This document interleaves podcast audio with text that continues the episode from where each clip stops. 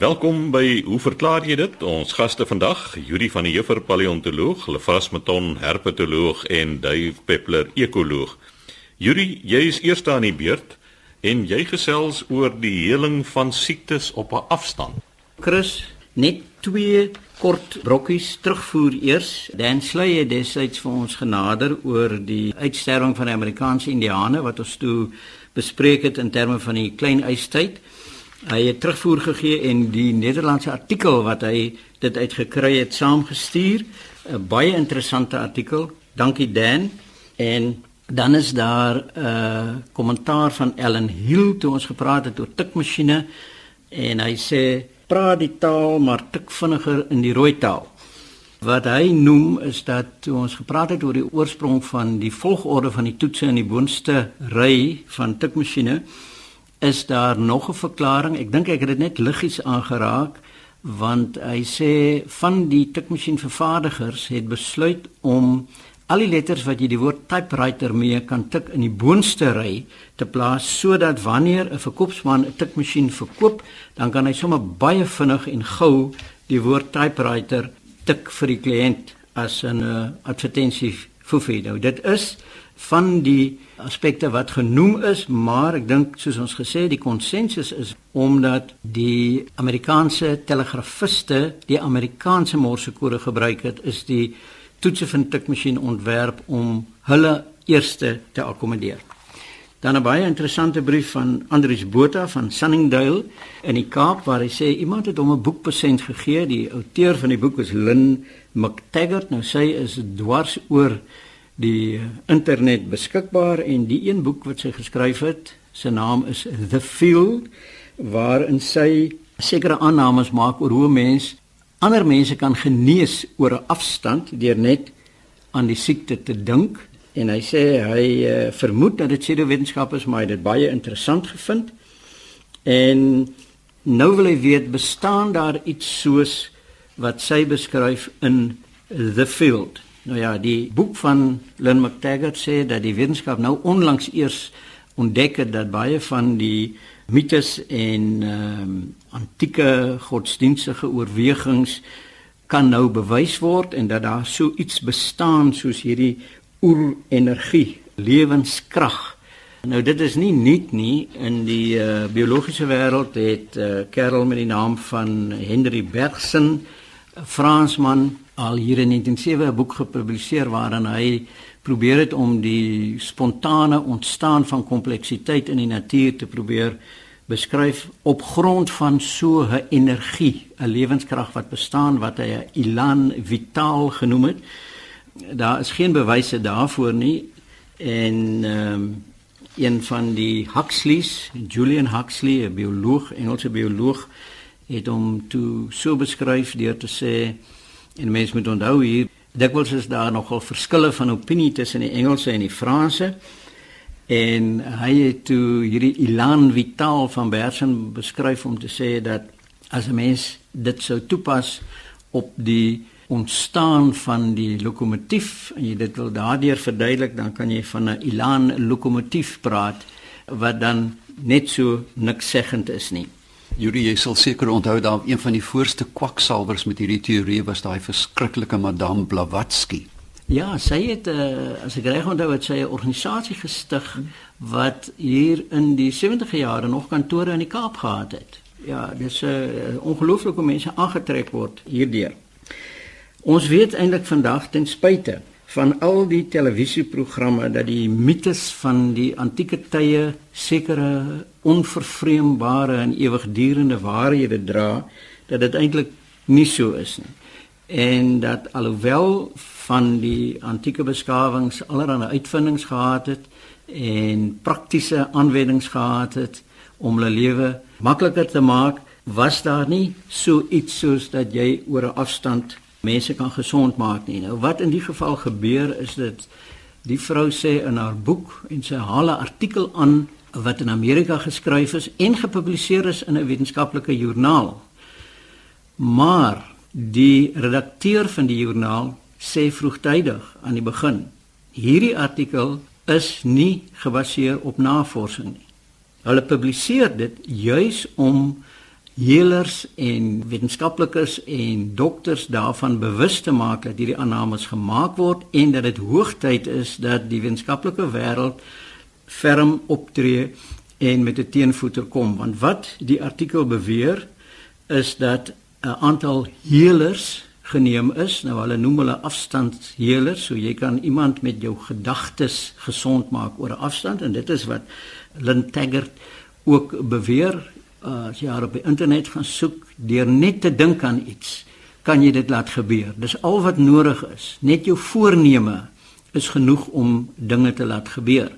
En een van die kritisie dan ook genoem en gesê maar as dit so is hoekom kom sy nie bietjie kyk na Afrika toe nie? Dwarsteer Afrika sit daar 'n ongelooflike klomp verhongerde mense kinders wat blootgestel is aan die afgryslikste toestande en hulle wens, hulle voornemens is sekerlik om 'n beter lewe te hê. Hulle is sekerlik om kos te hê en skoon water te hê.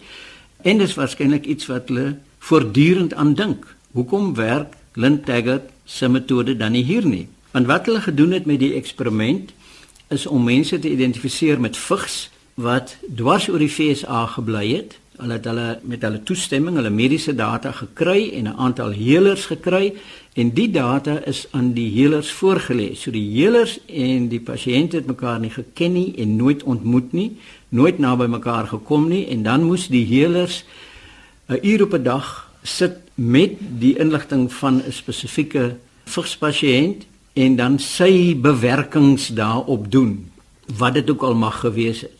En oor 'n periode van 6 maande is daar dan gesê dat sulke mense het minder besoeke by die hospitaal afgelê en die wat wel die hospitaal besoek het het nie so lank in die hospitaal gebly nie. Ek dink die kernbegrip hier is dat daar vir die vigspasiënte gesê is dat hier is 'n groep heelers en hulle die heelers gewissel sodat elkeen 'n kans by elke pasiënt gekry het daar is vir die pasiënte gesê hierdie mense veg vir julle. En dit is dieselfde resultate wat gekry is in eksperimente wat gedoen is om te kyk of gebed werk. Ongeveer 1000 terminale kankerpasiënte is aan hierdie toets onderwerp en mense met verskillende godsdienstige oortuigings is gevra om vir hierdie terminale pasiënte te bid. Daar's ook vir 'n groep van die pasiënte gesê die mense bid vir julle. En alhoewel daar geen heling gewees het hoegenaamd nie, is die mense wat bewus daarvan was dat vir hulle gebid word, het beter gevaar omdat hulle gemoedstoestand beter was. Hulle het nie gesond geword nie, maar hulle het daai gemeenskaplike gevoel gehad iemand is besorgd oor ons. So as 'n mens na die resultate kyk van hierdie eksperiment wat Lynn McTaggart aanvoer as bewyse vir haar oortuiging, dan moet mense sê ek dink dit faal in die ergste graad en die joernaal is korrek om te sê dat die tyd dat wetenskaplikes hierdie goed nie net afmaak as nonsens nie, maar inderdaad probeer om dit op 'n vaste basis te plaas en te wys dat hierdie soort van ding nie werk nie. Aldus Yuri van der Jefer, ons paleontoloog, Lefras Meton herpetoloog. Lefras, wat het aanleiding gegee tot die ontstaan van 'n skilpad dop? Dit kan nogal 'n mooi slaaptyd storie wees. ja. Chris, jy sal onthou, hier vroeg in die jare het ons oor die skilpad dop gepraat.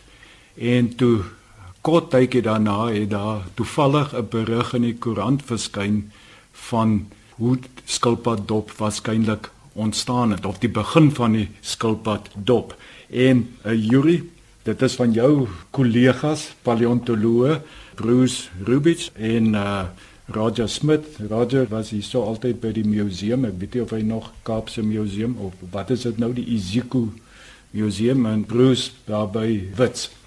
En dan ook Jennifer Botha Brink wat by Bloemfontein is. Nou Ons het in daardie vorige program gesels. Ekskuus, ek moet dan sê eh, dit was Mona van der Westhuizen wat my laat weet het dat hierdie berig verskyn het want dit is 'n bietjie anders as wat ek daardie tyd gesê het moontlik waarom die skilpad dop ontstaan het. Nou, as ons praat oor 'n skilpad dop, dan dink mens en dit is ook so vandag dat die funksie van die dop is hoofsaaklik beskerming. So mense sal nou dink dit het ontstaan primêr met daardie funksie in gedagte. Maar as mens nou teruggaan in die geskiedenis en na die vroegste fossiele skilpadagtige fossiele kyk, dan is dit baie vreemd dat by hulle kry ons nie hierdie osteodermale beentjies wat in die vel voorkom en wat mens sou dink en wat vir jare gedink is wat eintlik die beendeel van die skilpaddop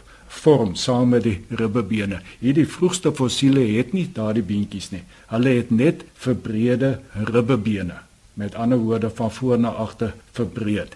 En hier in Suid-Afrika is daar fossiele vorm Eunotosaurus africanus. Dit is maar 'n vroeë, ek wil amper sê 'n diapsied, miskien is dit nog 'n diapsied gewees.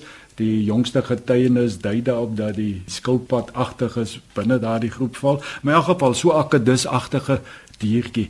En hy het hierdie verbreede ribbebene en hy het hierdie snaakse bolvormige sirkelvormige middellyf gehad, baie soos 'n skilpad sonder 'n dop as jy jou dit nou kan voorstel En met die jare is daar nou baie meer fossiele materiaal gekry en dit het nou vir hierdie wetenskaplikes in staat gestel om met 'n baie aanneemlike teorie vorendag te kom oor hoe skilpad dop se ontstaan gehad het. En nou hierdie vorm het hulle nou uitgevind. Het soveel ooreenkomste met moderne skilpaaie dat daar's geen twyfel dat dit is een van die voorvaarlike forme van moderne skilpaaie. Akedusagtige ding met net hierdie verbreede ribbebene.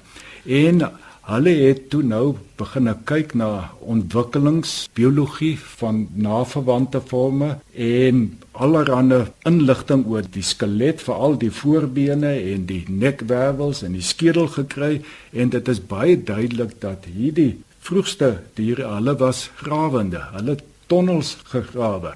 En ons kry vandag ook ander soogdiere die reuse muureter het ook hierdie verbreede ribbebene. Yuri daar's ander fossiele sinodontiërs wat ook grawend was en hulle het ook hierdie verbreede ribbebene gehad.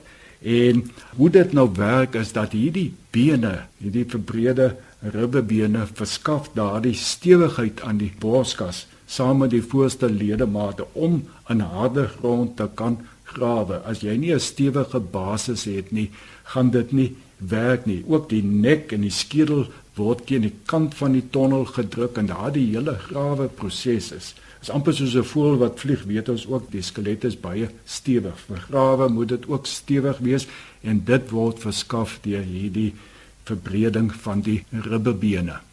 En ook die voorste ledemate veral die hande by al daardie vroegste skilpaaie die ek sê nie hande maar dan die voorpote is baie aangepas is baie sterk ontwikkel. Lang vingers die vingerbeentjies verleng en veral daardie laaste vingerbeentjies wat ook die kloue dra is baie verleng wat nog verdere aanduidings is dat hierdie eerstes grawende diere was die eerste skilpaaie en dat die verbreding van die ribbebene was die begin van die dop baie vroeg het van hierdie diere in die see beland. Hierdie was nou so 260 miljoen jaar gelede, dis nou redelik oud. En dan hier by 220 miljoen jaar gelede het jy daai marine vorm gehad wat dan ook geen beenplaatjies in die dop is, net hierdie verbreede ribbebene. So dit het niks met beskerming te doen gehad aanvanklik die dop nie. En mens kan nou dink as dit nou op land sou gebeur het, hierdie diere die trias was redelike permtrias oorgang redelike droë ariede toestande en ons weet ons het vandag baie diere wat in gate skuil voet buite maar hulle skuil in gate hulle grawe gate en dit sou waarskynlik tydens daardie droë toestande vir hulle oorlewing gewees het. Dis interessant dat jy dit sê want uh, ek het 'n tyd gelede 'n televisieprogram gesien oor krokodille. En in dele van Afrika waar dit so uitdroog, soos wat jy nou verduidelik het, gaan hulle in gate in.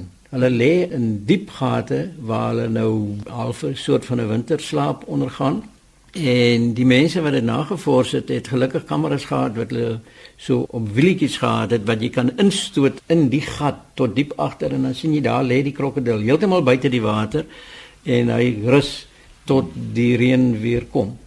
En uh nou met hierdie verbreding van die ribbebene en daardie stewige struktuur wat gevorm word is natuurlik asemhaling is nou 'n probleem. Beweging is 'n probleem. Die liggaam kan mos nou nie sydelings buig sodat hulle lekker lank tree kan gee nie. So hierdie dier het sommer baie vinnig baie stadig geword. So dit maak dan sin dat hulle moes herbivore gewees het of ten minste aasvreters want om 'n karnivoor te wees moet jy vinnig wees om iets te vang.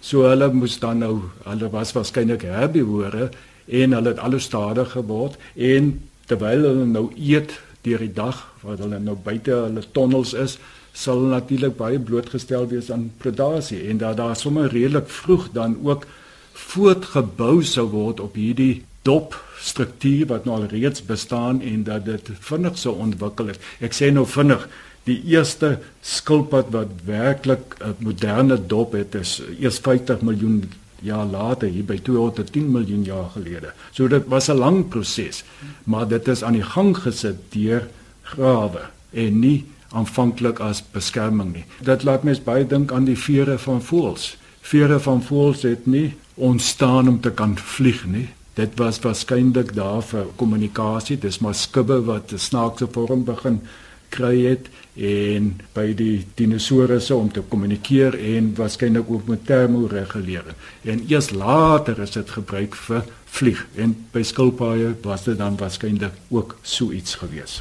En die ander een wat jy genoem het, die uh Strenexodon, een van die Synodontiërs, dit was die groep wat uiteindelik oorsprong gegee het aan die soogdiere wat jy ook hierdie verbrede ribbe kry, maar nie in so groot mate nie want met die ontwikkeling na soogdiere en warmbloedigheid en die goed het jy 'n diafragma nodig. En om 'n diafragma te hê, kan jy nie ribbe hê wat so 'n uh, kompakte massa vorm nie. So dis interessant hoe plasties die evolusie eintlik is en dat dit gesny word na die omstandighede. Ja, net om af te sluit, die belangrike punt dan ook is dat dit blyk dat die beenplaatjies wat algemeen by reptiele en ander diere voorkom in die vel, in die dermis en wat alle jare geglo is dat dit is eintlik die oorsprong van die dop dat dit waarskynlik maar eintlik geen rol gespeel het in die aanvanklike ontwikkeling van die dop nie. So sê Lefras Meton, ons herpetoloog, laaste aan die woord Dave Peppler, ekoloog. Dave, die gevolge van die gebruik om gekonfiskeerde drank in dreine af te gooi. Chris, dankie. Ja, ek het my ophef hier as dop in die drein aangebring. Was ek maar 'n chemikus, waar is Janie Hofmeyer, want ek werk nou op dun ys. Ek het 'n brief ontvang van Gideon Durant wat sê dis sy eerste skrywe en hooplik nie die laaste nie. En hy sê hy het gelees dat die polisie van die Wes-Kaap elke maand omtrent 30000 liter gekonfiskeerde alkohol, soos hy sê, in die drein afgooi. Kan dit nie beter aangewend word nie? Natuurlik kan dit nie weer vir sirkulasie vir menslike gebruik toegelaat word nie. Ek sien nie hoekom nie, aangesien dit uit onwettige bedrywe kom en dus 'n gesondheidsrisiko sou wees. Byvoorbeeld kan alkohol in sterk spirituele koste-effektief onttrek en benut word vir brandstof. Nou maar goed. Alkohol is dan soos ons weet 'n organiese verbinding waar 'n hidroksiel wat 'n O en H bevat gebind is aan 'n versadigde koolstof. Dit staan almal bekend in ons as etanol wat ons gewoonlik in wyn drink, uh, metanol en dan medies gebruik hulle isopropiel alkohol uiteraard vir sterilisering. Dit word gebruik in hoofsaaklik wêreldwyd in drank uiteraard in konsentrasies van 4% tot 40% vir sterk spirituele van die alkohole word gebruik in vrieswering, etielglikool wat in mense in motors gooi dat die verkoelers nie vries in die winter nie. Dit kan vermeng word in brandstof tot op 30% van die inhoud van die tank, maar jy kan nie 'n motor op skoon. Ek dink sonder ernstige aanpassing nie op skoon alkohol laat loop nie, want 30% is 'n hoë orde van aanpassing. En dan kry jy mens natuurlik suiwer alkohol inspuiting in kompressors van hoog aangejaagde motors. Dis word gebruik as 'n preserveermiddel van boere jongens tot eau de vivre waar jy in Frankryk tot vandag nog die bottel sterk drank met die adder daarin wat hulle drink vir alle goed van karkaatjies tot ingegroeide toenails. Dit word as steriliseermiddel gebruik. Iets wat my opval is met die teregstelling van die stomme mense in Amerika met inspuitings dat voor hulle die naald in se word die vel eers gesteriliseer. Die man gaan binne 5 minute dood, maar iemand staan met 'n deppertjie en maak die aar netjies skoon voor hulle die naald indruk. Is heeltemal bizar. Dan natuurlik ook as 'n oplosmiddel. Ons weet almal dat jy kan ekstraksies maak soos hoesmedisyne byvoorbeeld vir al parfuum wat uh, sterk alkoholbasis het en dan ekstrakte soos vanilje byvoorbeeld. Alkohol in oormaat soos ons weet is toksies. Daar is metaboliete soos asetaldehiede wat die lewer ernstige skade aandoen en ons weet daar is verharding van die lewer by alkoholiste.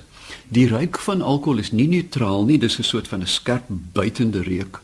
Die produksie is as gevolg van 'n natuurlike byproduk van die metabooliese prosesse van gisting. As jy gisselle het soos in 'n ryp vrug, sal daar alkohol kom en dis uiteraard hoe ons wyn maak.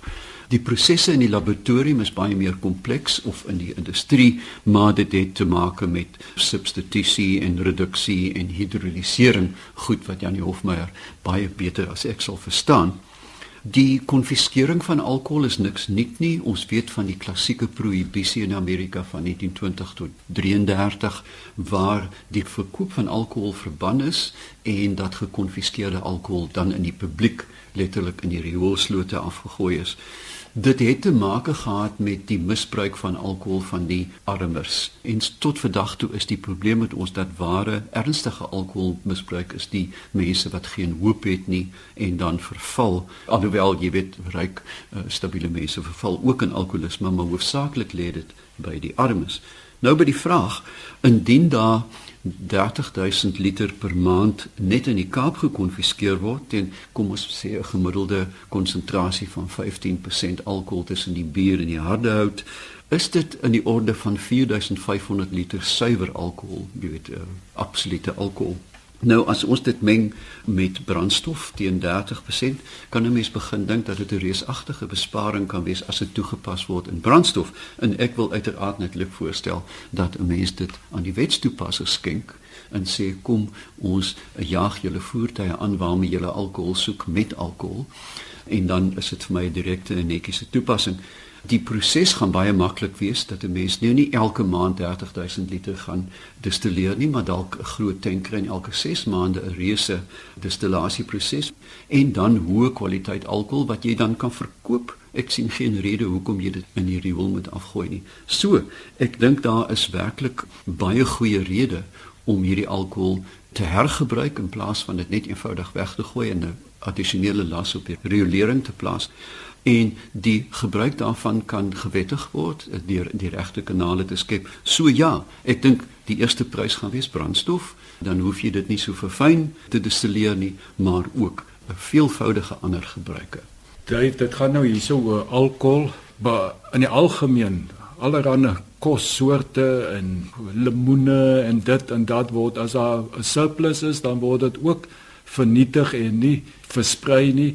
Ek dink dit is alles baie meer kompleks uit 'n besigheidswêreld. Mens kan nou sê okay, ons doen dit, maar wie se eiendom is dit? Wie maak die geld en ek weet nie. Ja, ek kan net dink dat dit is nie so eenvoudig nie. Nee, ek ek dink daar sal wetlike kanale geskep moet word. Dit is nou staatseiendom en dan kan jy daarmee maak wat jy wil. Ek meen ek, ek dink uiteraard sal dit nie die moeite werd wees om 'n hele distillasie aanleg net vir die staat vir gekonfiskeerde drank nie, want dit kan bygevoeg word baie maklik by herwinning van reste van kos wat wel gegis kan word. En ek dink daar is geen rede hoekom groot metropole nie baie meer noukeurig moet omgaan met 1/3 van die kos wat die wêreld produseer word letterlik weggegooi en ons moet nou begin plan maak om dit te benut in terme van alkohol, metaan en kompos.